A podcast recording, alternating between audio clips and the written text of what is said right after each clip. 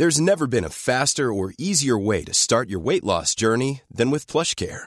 PlushCare accepts most insurance plans and gives you online access to board-certified physicians who can prescribe FDA-approved weight loss medications like Wigovi and Zepbound for those who qualify. Take charge of your health and speak with a board-certified physician about a weight loss plan that's right for you. Get started today at plushcare.com slash weight loss. That's plushcare.com slash weight loss. plushcare.com slash weight loss. Millions of people have lost weight with personalized plans from Noom, like Evan, who can't stand salads and still lost 50 pounds. Salads, generally, for most people, are the easy button, right? For me, that wasn't an option. I never really was a salad guy. That's just not who I am. But Noom worked for me. Get your personalized plan today at Noom.com. Real Noom user compensated to provide their story. In four weeks, the typical Noom user can expect to lose one to two pounds per week. Individual results may vary. Planning for your next trip? Elevate your travel style with Quince. Quince has all the jet setting essentials you'll want for your next getaway, like European linen, premium luggage options, buttery soft Italian leather bags, and so much more. And is all priced at 50 to 80% less than similar brands. Plus, Quince only works with factories that use safe and ethical manufacturing practices. Pack your bags with high-quality essentials you'll be wearing for vacations to come with Quince. Go to quince.com slash pack for free shipping and 365-day returns. Generaler, admiraler, medlemmer, gjester, venner. Hjertelig velkommen til enda et medlemsmøte i Oslo Militære Samfunn. Eneste administrative jeg har i dag, det er eh, den evige oppfordringen følg med på hjemmesiden. Endringer i programmet må påregnes, og vi har flere overraskelser i vente til dere. Som dere har sett, så er allerede eh, en del av programmet endret. Og årsaken er selvfølgelig det utrolige, ufattelige, som skjer i Ukraina as we speak. Vi har vært så heldige å få tak i oberstløytnantene Palle Ytstebø og Geir Hågen Karlsen, som jeg nekter å tro at jeg må introdusere, eller i hvert fall eh, presentere i detalj for denne forsamling. De tok seg fri fra nyhetssendingene noen minutter for å være til stede noen timer, for å være til stede med oss i kveld. Og eh, med sans for eh, de lange historiske linjer så har de kalt foredraget for 'Den russisk-ukrainske krigen fase 3 2022'. Jeg skal ikke bruke opp mer verdifull tid her oppe fra. Palle, Geir Hågen, varmt velkommen. Forsamlingen er deres.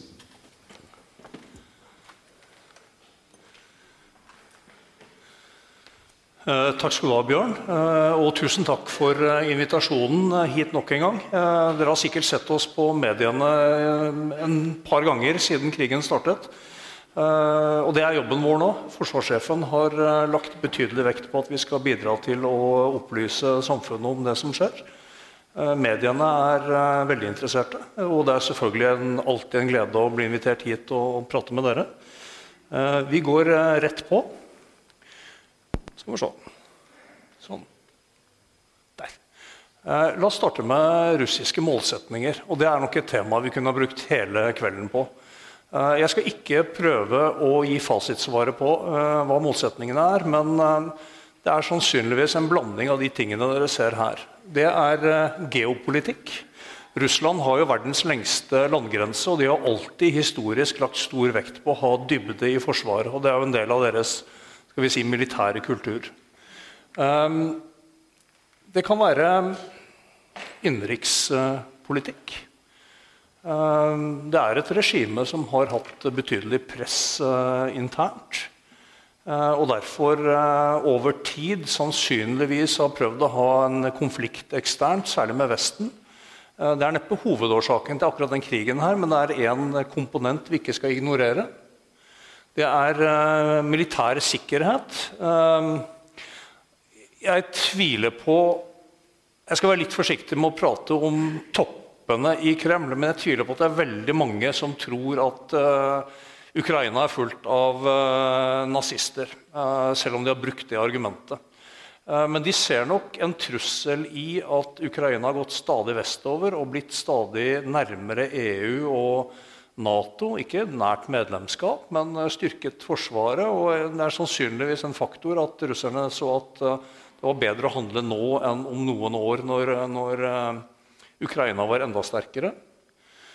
Trussel fra demokratisering. Det er helt åpenbart at et vellykket demokratisk Ukraina Eh, med en økonomi som utvikla seg i retning av det Polen og Baltikum har, eh, ville demonstrert for alle i Russland at deres politiske og økonomiske modell var dysfunksjonell. dysfunksjonell.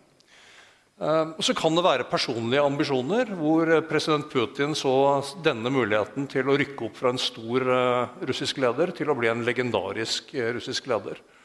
Jeg tror det feiler spektakulært, men det får vi nå se i tiden fremover. Greit. Ja, der lyder bra. bra. Ok. Den russisk-ukrainske krigen, eh, fase tre, to ord om fase én. Den starta sommeren 2014 med opprør og russisk intervensjon i Donbas.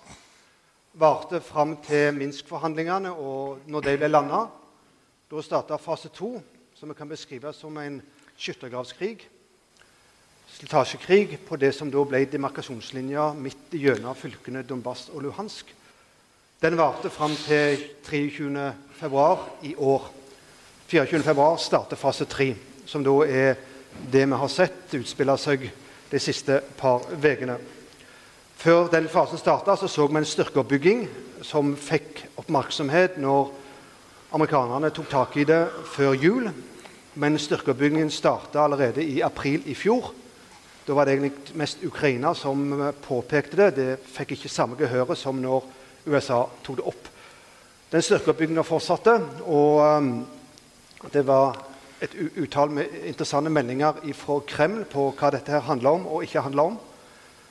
Og så 24. februar så uh, våkner vi til et uh, russisk, russisk, angrep langs uh, flere akser fra tre sider inn i resten av Ukraina utover det de allerede hadde tatt, dvs. Si, eh, Krim, og okkupert i østre Donbas. Og Da var det for alle praktiske formål en fullskala eh, invasjon. Og Så var det hva type invasjon var det vi så. For det var, det var jo da det som minner stygt om et, eh, et sånn kuppforsøk der en da, hvis en skal ta det som Putin sa om Ukraina på alvor, og det at det nærmest var forventa at i likhet med 2014 så ville da ukrainske soldatene ble oppfordra til å legge ned våpnene og til å la Russland stå for denazifisering og slike ting i, i Ukraina og ta det tilbake til folden. Det skjedde ikke. Istedenfor så, så var det hard motstand på, fra grensa med grensevakt og andre styrker. og så akkumulerte motstand etter hvert, sånn at dette gikk over fra å bli et kuppforsøk til å bli en, eh, en regulær krig. Og som eh, gamle Clauswitz eh, så godt sa, er jo at eh, angriperen kommer alltid med fred. Det er motstanderen som sørger for, eller det er da forsvareren som sørger for at det blir krig ved at det tar til våpen.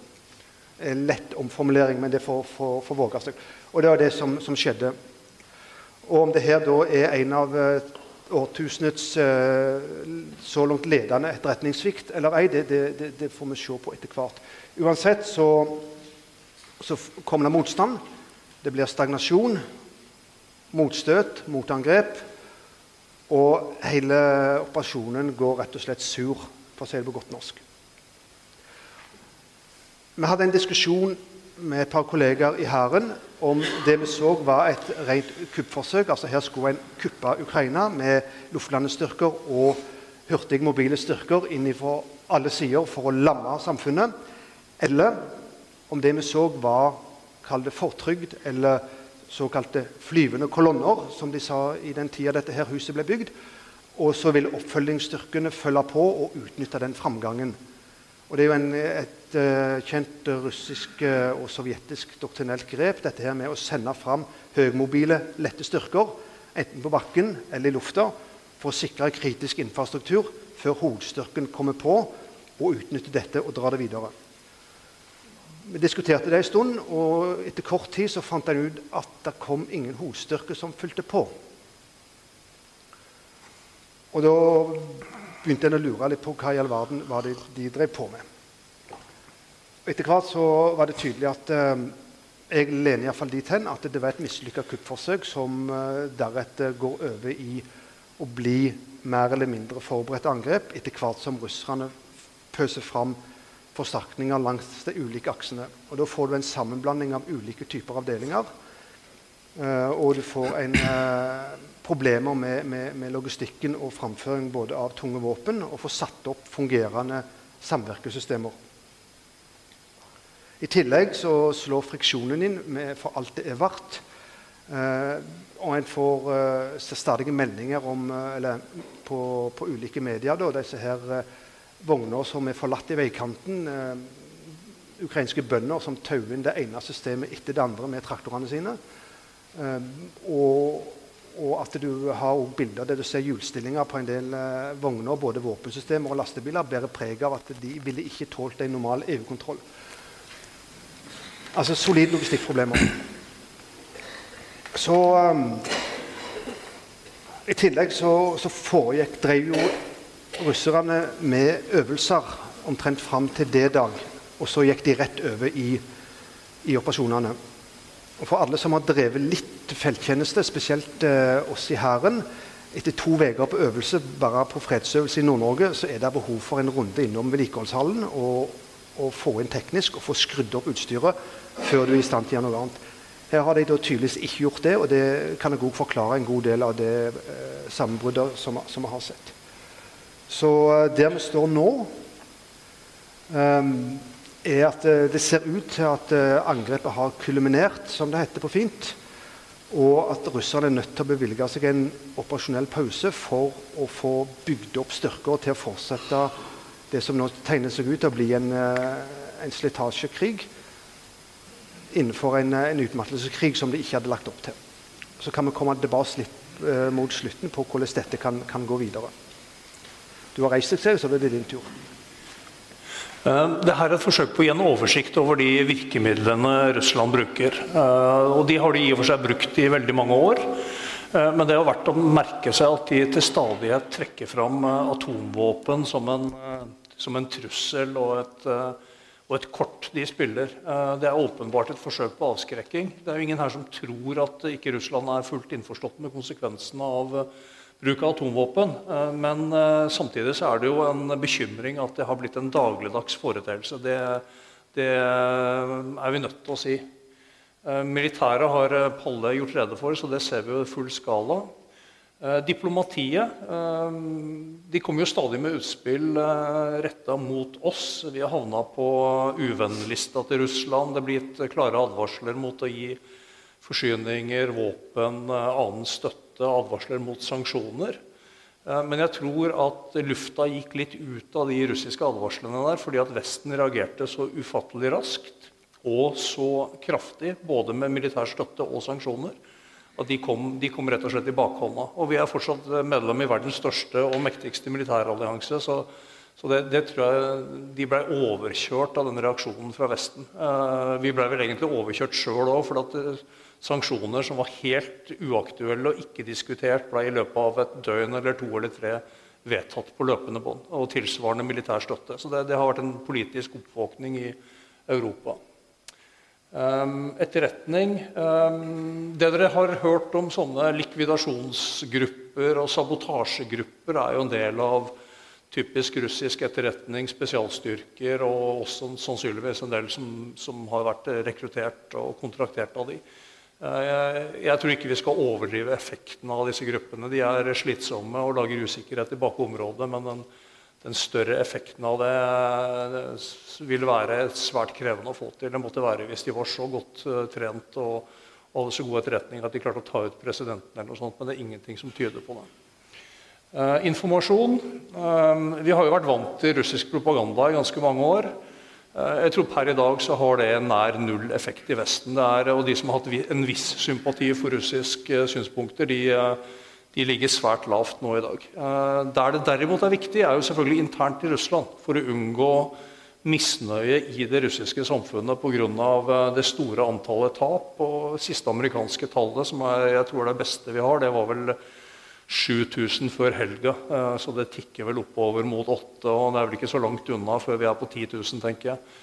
Um, og Det er klart det har konsekvenser internt i Russland. Sammen med total uh, krakk for den russiske økonomien. Børsen har vært stengt siden krigen startet. og Industrien forfaller fordi man ikke får råvarer og ikke får betalt og ikke får reservedeler. eller noe som helst. Så det, det er klart Potensialet internt i Russland for ustabilitet uh, er stort. hvor stort? Vanskelig å si. Eh, økonomi. Eh, vi var jo lenge redd for at Russland skulle stenge av gassen, men nå har det jo blitt det motsatte. Vi, eh, Europa gjør jo alt de kan for ikke å kjøpe russisk gass.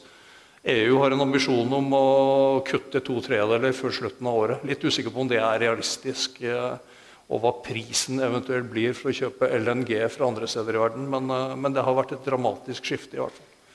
Uh, cyberangrep. Eh, PST advarte jo mot det her om dagen. Uh, men Vi har ikke sett noe omfattende opptrapping foreløpig. Men vi skal jo ikke utelukke det.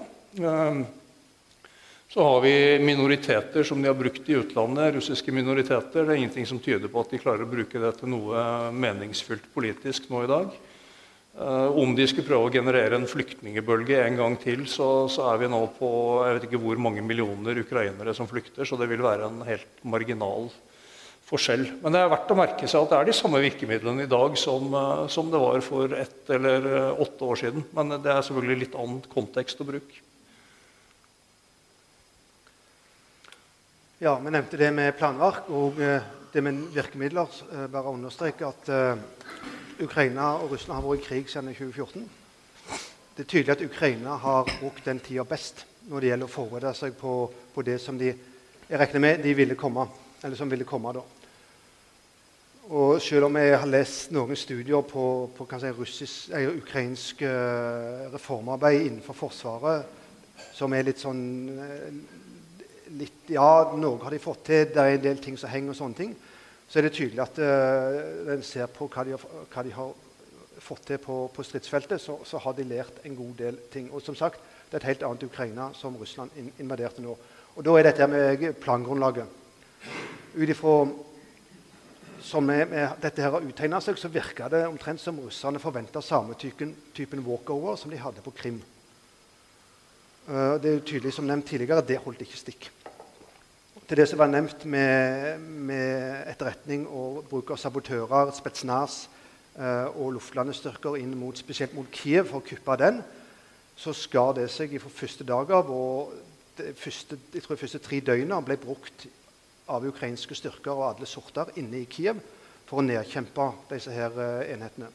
Dette er restene av et eh, luftlandekompani og dets mekaniserte styrker uh, nordvest for Kiev. Og Da snakker vi om, om rester, bokstavelig talt. Godt utbrunnet og ødelagt. Og Det er typisk òg. Så en ser kolonner med, med, russiske eh, vogner, både kampvogner og logistikk, låst langs en vei, og så uh, tydeligvis uh, tatt i bakhold og ødelagt på, på, annet vis. Og Du hadde tilsvarende forsøk på å, å luftlandsettinger òg inn mot, mot, mot Kharkiv.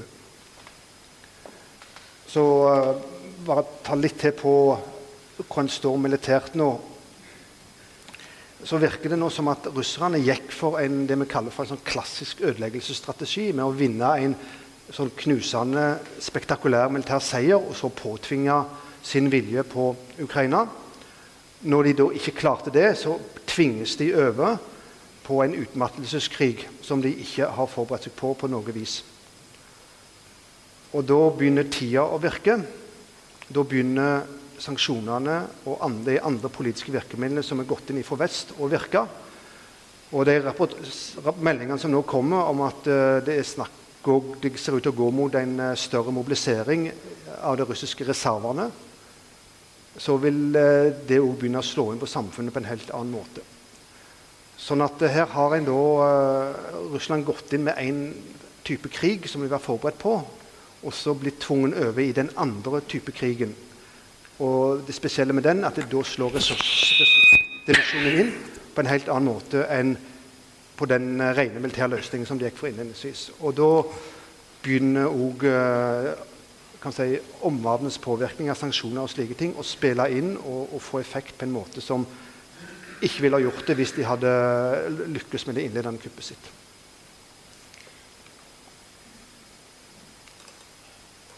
Det har vært en del diskusjoner rundt uh, mulige landsettinger av marineinfanteri. Uh, det er en god del av uh, 61. marineinfanteribrigade på Kola er jo sendt nedover. tre av landgangsfartøyene er sendt nedover, og tre av de større overflatefartøyene er nå i Middelhavet. Så det er betydelige styrker som, som har dratt nedover. Det som har vært diskutert gjentatte ganger, er jo om de skal ta den viktige havnebyen Odessa. Eh, alt i Azovhavet, alt dette her mot Svartehavet, er jo allerede kontrollert av eh, russerne. Så det er liksom den siste, siste sjøforbindelse for Ukraina. De er i og for seg blokkert allerede av russisk marinestyrke, men det er en veldig viktig eksportby. Og uh, industriby og havneby. Ukraina er en stor eksportør av korn, råvarer til uh, til uh, kunstgjødsel og en del andre ting som, som krever store volum. Så havnebyen er viktig. Uh, men det er egentlig etter vår vurdering svært urealistisk at de skal ta noen landsetting mot Odessa før de har tatt byen Mykolajev og flytter landstyrkene lenger bortover. Uh, Simpelthen fordi den marineinfanteriavdelingen er såpass liten. Det er snakk om 3000 mann hvis, hvis de fartøyene er fullasta. Og med relativt begrensa stridsutholdenhet så er de nødt til å få en link-up med, med landstyrken. Så det, det ser vi per nå, som, som Palle har vært inne på. De har kulminert, så sannsynligheten for at de har kapasitet til, til f.eks. en større operasjon bortover her, samtidig som de har strekte forsyningslinjer og stort territorium overalt, den er, den er relativt liten.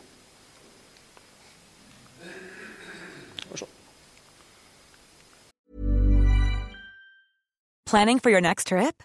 Elevate your travel style with Quince. Quince has all the jet setting essentials you'll want for your next getaway, like European linen, premium luggage options, buttery soft Italian leather bags, and so much more. And is all priced at 50 to 80% less than similar brands. Plus, Quince only works with factories that use safe and ethical manufacturing practices. Pack your bags with high-quality essentials you'll be wearing for vacations to come with Quince. Go to quince.com/pack for free shipping and 365-day returns. Hey, it's Ryan Reynolds, and I'm here with Keith, co star of my upcoming film, If, only in theaters, May 17th. Do you want to tell people the big news? All right, I'll do it. Sign up now and you'll get unlimited for $15 a month in six months of Paramount Plus Essential Plan on us. Mintmobile.com slash switch. Upfront payment of $45 equivalent to $15 per month. Unlimited over 40 gigabytes per month. Face lower speeds. Videos at 480p. Active Mint customers by 531.24 get six months of Paramount Plus Essential Plan. Auto renews after six months. Offer ends May 31st, 2024. Separate Paramount Plus registration required. Terms and conditions apply if rated PG. Der. Um, det var et hakk for mye, og to. Jeg er for tung på fingeren her, Palle. Ja. Kan være glad du ikke er stridsvognskytter. Vær så god. Um, luftkrig. Uh, analyser i forkant av, uh, av denne invasjonen fra Vesten, blant Rusi og andre, var, var, tydelige på at en ville se en massiv russisk forbekjempning med bruk av kryssermissiler, ballistiske missiler og fly for nærmest å utslette det ukrainske flyvåpenet på bakken og, legge, og avvikle det bakkebaserte luftvernet. Det skjedde ikke. De hadde en innledende angrep med krysserraketter med ballistiske missiler mot kritisk militær infrastruktur, inklusiv luftvern og flyplasser. Og så ble det svært liten aktivitet i lufta deretter. Jeg hadde en liten runde med kollegaer på, på Luftkrigsskolen på hvor ble det av det russiske flyvåpenet, og det tok lang tid før det begynte å synes. Uh, og, det så lite direkte støtte til, til bakkestyrkene. Uh, du så ikke spesielt mye angrep lenger inn heller, og de begynte tidlig å ta tap. Både fra det som overlevde av det ukrainske flyvåpenet, ikke all verden, men, men en del. Og I utgangspunktet så var ukrainerne underlegne 1-3 russerne når det gjaldt antall fly som var satt opp. og slike ting. De tok tap på det si, um, ukrainske bakkebaserte luftvernet av, av si, modifisert sovjetisk type, som, en, uh, som hadde i gamle MS-414.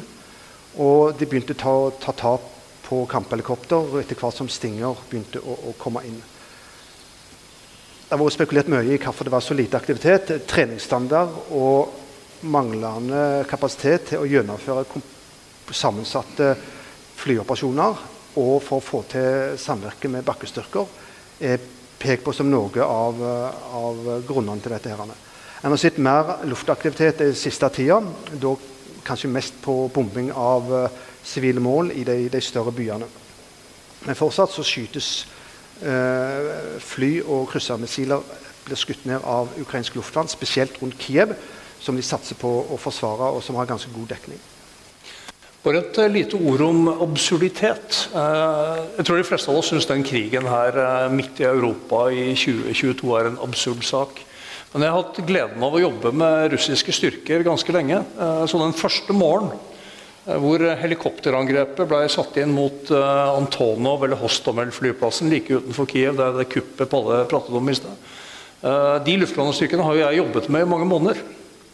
Så jeg har flydd de samme helikoptrene, jobba med de folka. Det er sikkert andre folk i de helikoptrene som ikke nå enn jeg jobba med dem. Men, men, da ble det virkelig åpenbart for meg hvor absolutt absurd det er. Og Noe av det første som skjedde, var jo at tre av disse transporthelikoptrene ble skutt ned i første bølge. og det var, eh, Da var det 60 mann ned. Eh, så det, vi har også jobba med ukrainerne, ganske bra samarbeid med ukrainske eh, Forsvarsuniversitetet. Så det, dette blir jo liksom absurd på atskillige nivåer. Det kan jeg godt eh, si. Logistikk. Eh, det er jo aldri en eh, spesiell karrierefremmer i noen eh, lands forsvar. Tydeligvis heller ikke i det russiske. Og en har jo den gode gamle devisen om at amatører prater om taktikk, og profesjonelle forholder seg til logistikk. Og gamle marskalk Tukhatsjevskij, en av uh, driverne bak den typen doktrine vi ser nå, som brukes nå, sa jo at en operasjon, militær operasjon det er, det er 80% logistikk. Og her har det jo uh, svikta fundamentalt, ikke bare nå, men i tida, månedene, åra, tiåra før dette. her. Det er mye gammelt utstyr, mye gamle eh, lastevogner som brukes. Mye av eh, kjøretøyene er tilbake til 70-tallet. 80-tallet, lastevogner og, og, den typen ting. Du har hatt eh, stor slitasje og lite prioritet på, på vedlikehold. Igjen med den opprinnelige planen med å ta landet med kupp, så var ikke logistikkunderstøttelsen det som ble, eh, ble vektlagt hell, fordi at dette skulle vært fort gjort. Og når en da begynte å kjøre seg fast og hadde behov for drivstoff, for ammunisjon, for erstatningsmannskaper, få ut såra og slike ting, så begynte ting å, å, å balle på seg.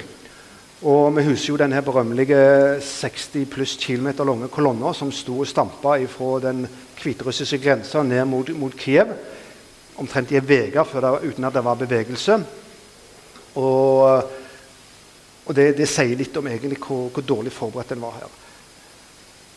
I tillegg så må en tenke på type avdelinger som gikk inn. altså Russiske brigadene per i dag har én bataljon, bataljon med eh, kontraktsoldater, altså yrkessoldater, og fullt oppsatt. De andre, og De kan da settes inn ganske momentant. og Det er de som er blitt utdeployert og gruppert her. Resten av brigaden, vernepliktige eller mobtillegg, som vi kaller det, som må, og vernepliktige kan i utgangspunktet ikke brukes eh, i krig ut forbi Russlands grenser. Ukraina er da ikke definert som uh, innenfor Russlands grenser, så der er det en begrensning. Så de, alle disse har vært mye snakk om sånn battalion tactical groups, eller bataljonstridsgrupper, som har vært brukt. Uh, et antall på 180 uh, pluss som har vært utgruppert. Det er da egentlig bataljoner som er elementer av en brigade. Og det er fragmenter da, av dette her, som da har blitt ledet av armékommandoer uten for mye mellomliggende kommandoer. Så det har blitt eh, kommandomessig så dette eh, koker seg opp.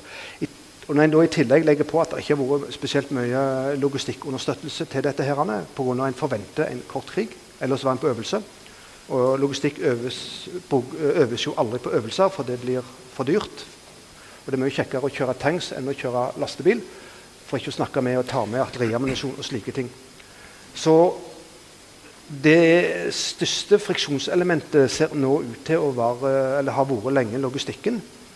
Og problemer med å få god logistikkstyring. Så selv uten ukrainsk motstand så er det stor fare for at dette vil kjøre seg fast uh, rett og slett pga. dette elementet her.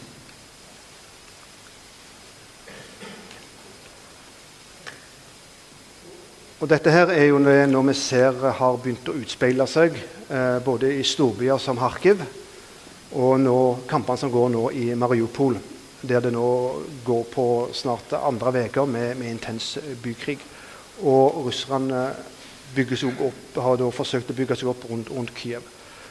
Og alle som har vært litt innom eh, strid i tettbebygde områder, eller SIBO, eller, eller, hva det nå kalles, vet jo hva, hvor krevende det er å angripe en forsvarer som forsvarer heimlandet sitt, og som har forberedt Forsvaret.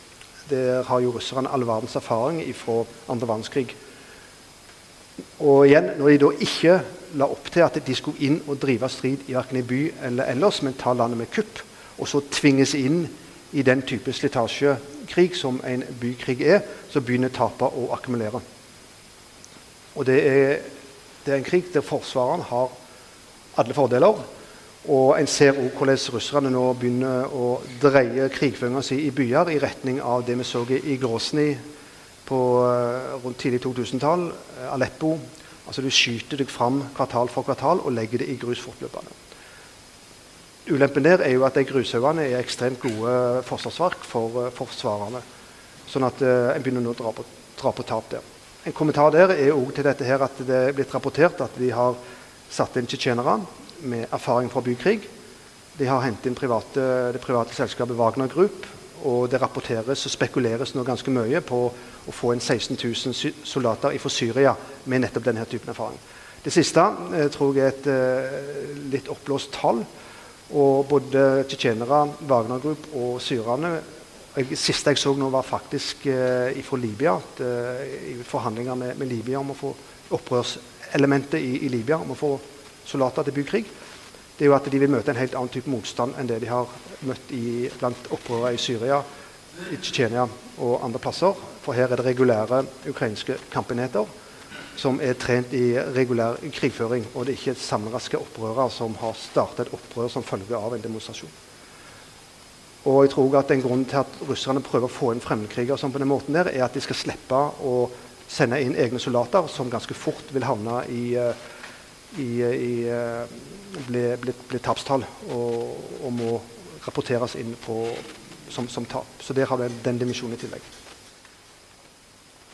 Ja, Noen ord om eh, kampvilje. Eh, alle har jo sett president Zelenskyj og ukrainerne. Og det er jo imponerende. Men jeg tror nok vi skal være klar over at bak den overflaten med enorm kampvilje, så er det også enorme tap. Eh, så det er jo åpenbart en utfordring hvor, eh, hvor, langt de er villige til å gå. Men jeg tenkte vi skulle prate mer om russerne. Se for dere følgende situasjon. Du er en vernepliktig russisk soldat eller en ung kontraktssoldat. Du har vært på øvelse i ukevis, og så får du beskjed timer, kanskje kvelden før, at du skal angripe nabolandet. Soldatene fikk særdeles kort varsel. Eh, vi er litt usikre på hvor lang tid f.eks. bataljonssjefer og sjefer på høyere nivå fikk, men det er mye som tyder på at det også var ganske dårlig tid. Mentalt så er du ikke forberedt. Eh, du har vært på øvelse, som Palle har vært inne på. Du har behov for vedlikehold. Eh, du har liksom ikke gjort klar utstyret ditt. Logistikken er ikke på plass sånn som du ville hatt det. Hatt alt strøkent hvis du visste at du skulle i kamp. Og plutselig så er du over grensa. Det blir som vi skulle rykke fra Halden og inn og ta Strømstad. De ser ut som oss, de prater omtrent samme språket som oss. Og hun gamle dama som står og skjeller deg ut, ser akkurat ut som bestemora di. Det er ikke så veldig meningsfylt å dø i en sånn krig. Hvis du i tillegg har dårlig planlegging, dårlig logistikk, dårlig ledelse, åpenbare feilvurderinger som gjør at du tar enorme tap, så er det ikke rart at den der kampviljen eh, svinner ganske fort hen. Mens ukrainerne slåss en eksistensiell krig for sin frihet i fremtida, så tror jeg det er veldig mange av disse russerne som lurer på hva i alle dager vi gjør. De har tatt store tap. Eh, vi er ganske sikre på at de har tatt ekstraordinært mye tap fordi at eh, saniteten i Russland tradisjonelt er dårlig, og evakueringslinjene har vært veldig lange. Så det er åpenbart mye folk som har dødd, som burde ha vært berga. Og det er folk som nå begynner å få rapporter fra Hviterussland hvor både likhus og, og eh, sykehus er fulle, som kommer inn med koldbrann, og som kanskje hadde en mindre skade, men som er nødt til å amputere fordi at det her har ikke fungert. Eh, mange har åpenbart eh, blitt splitta opp og rømt til skogs. Hvorvidt de har rømt til skogs eller desertert, er kanskje to sider av samme sak. Eh, og Hvis du ser på alle disse faktorene til sammen, så er det kanskje ikke så veldig rart at det har kulminert ganske kraftig. og Vi hadde ventet at vi skulle komme i gang utenfor Kiev for lenge siden, men det har rett og slett bare kjørt seg fast. Um, så det er hvordan dette spiller ut framover, når de får inn nye avdelinger, usikker. Uh, men det er et av de store og viktige temaene tror jeg, for eh, liksom, hvordan Russlands kampanje går videre. Bare for å ta en oppfølging på den òg. det nevnte så vidt dette her med mobilisering. Og Da er det vernepliktige, altså reservister, som skal mobiliseres i lys av, eh, av de uh, store tapstallene som kommer. Og den informasjonen vil etter hvert bli kjent i det russiske samfunnet etter hvert som de tallene kommer opp i, i tusenvis. Og mødre, bestemødre, søstre blir klar over hva som har skjedd med, med, med, med slektningene. Så da vil en kanskje Da, da vil da det storkrigen eh, og dette her at det, krigen endrer fullstendig karakter, så vil den, eh, de andre dimensjonene i det russiske samfunnet begynne å, å, å slå inn. Og, og, da er denne her typen erfaringer som gjøres Ryktene går nok på hjemmebane. Der er ulike kanaler som informasjon vil komme på koble det sammen med dyrtid som følge av den økonomiske situasjonen som har gått rett i bånn. Og da, sagt, da begynner sanksjoner og andre, andre eksterne påvirkninger å, å virke. Så, um, så, tror jeg vi kanskje akkurat den kampelige dimensjonen vil, vil slå inn. Spesielt fordi at dette her ikke er en trussel mot russerne, mot Russland mot uh, den russiske befolkning, selv om det er blitt solgt inn de siste 10-15 åra som en del av, uh, av, den informasjonsstrømmen som har gått på russisk side. Eh, noen ord om forhandlinger. Det kommer jo daglig nye meldinger om at det ser positivt ut med forhandlingene. Og så kommer det en ny melding litt senere om at det ser kanskje ikke så positivt ut allikevel. Så går den runden om og om igjen. Uh, for det første så er det nok forhandlinger på to forskjellige nivå. Eh, det er de praktiske løsningene av humanitære korridorer. Eh, den type forhandlinger eh, skjer jo på relativt lavt nivå. Og de kan gå uavhengig av det politiske bildet for øvrig. Jeg vil anta at det også er en del koordinering på ting som f.eks. beskyttelse av kjernekraftverk, unngå ødeleggelse av større kjemiske fabrikker. Vi fikk et utslipp av ammoniakk her i går. Kanskje gassrørledningene. Og så har du de overordnede politiske forhandlingene om en mulig fredsløsning.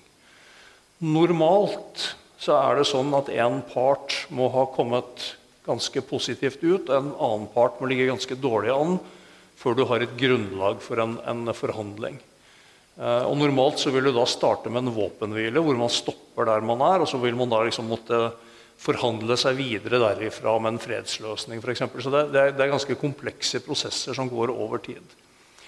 Ehm, alle partene er interessert i å gi et positivt inntrykk. Ergo så vil man være positive i forhold til forhandlingene. Ehm, men se nøye på det small print med hvilke krav de stiller og hvilke forutsetninger de legger. Så ser man ganske fort at de står sannsynligvis per dag langt fra hverandre. Ehm, det som kan endre den ligningen, er at president Putin og hans nærmeste finner ut at kostnadene for Russland i form av økonomien i Russland, tapte liv, misnøye i befolkningen, misnøye i eliten, blir så stor at de prøver å finne et kompromiss tidligere og med mye lavere ambisjoner enn det de egentlig hadde når krigen startet. Hvor det knekkpunktet ligger, det aner jeg ikke. og Det er sikkert veldig mange som skulle tenkt seg å vite hva president Putin mener om det, men, men det er liksom den siden av det. For ukrainernes del så er det jo sånn at jo lengre de holder, jo bedre ligger de an. Og så satser de sannsynligvis på at prisen blir for høy for russerne. Baksiden av medaljen for ukrainerne er selvfølgelig at de ødelegger byer og taper liv, sivile og militære, hver eneste dag. Så spørs det hvor lenge det varer. Jeg aner ikke hvor, hvor, langt, uh, hvor, langt, de er villige til å gå. Uh, og så er det jo ingen som vil gi inntrykk av å tape. ikke sant? Man, man uh, sier man skal slåss til siste slutt, og så, så skjer det kanskje noe. Eh, det blir neppe noe møte mellom president Putin og president Zelenskyj før man er nær en type våpenhvile. Eh, det er rett og slett ikke grunnlag for at topplederne skal møtes før de har et ganske klart eh, Noe i nærheten av en løsning, i hvert fall. Før de møtes. Så jeg skulle gjerne håpet at uh, vi får en rask løsning. Det ville spart mye liv og ødeleggelser, men uh, potensielt så kan dette dra ut i lang tid. Og bare minner om, som vi har sagt flere ganger, det har vært krig i Donbas i åtte år. Og det er 14 000 drepte. Så det har vært en høy pris tidligere.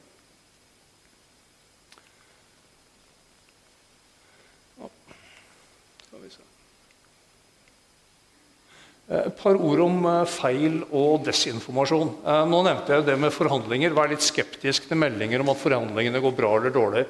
Men det er masse andre ting her. 27.2, etter tre dager, så kom meldingen om at Kiev er omringet. Og det er altså 20 ja, Litt over tre uker siden.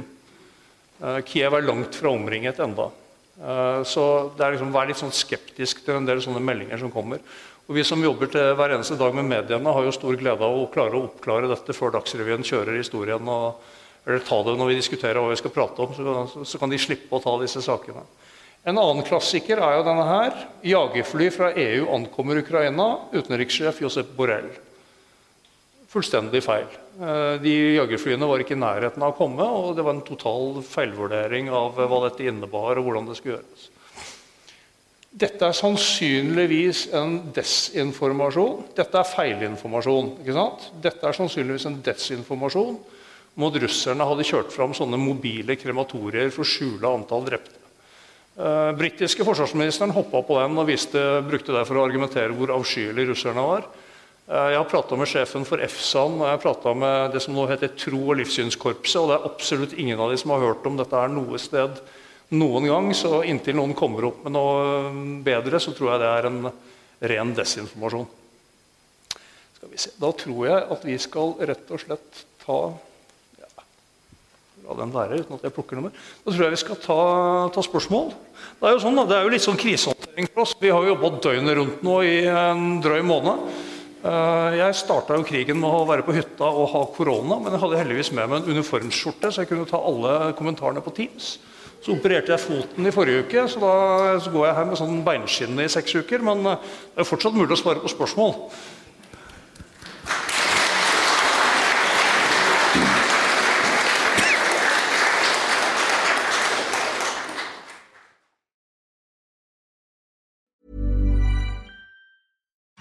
Why don't more infant formula companies use organic, grass fed whole milk instead of skim?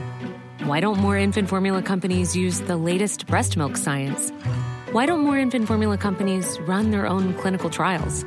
Why don't more infant formula companies use more of the proteins found in breast milk? Why don't more infant formula companies have their own factories instead of outsourcing their manufacturing?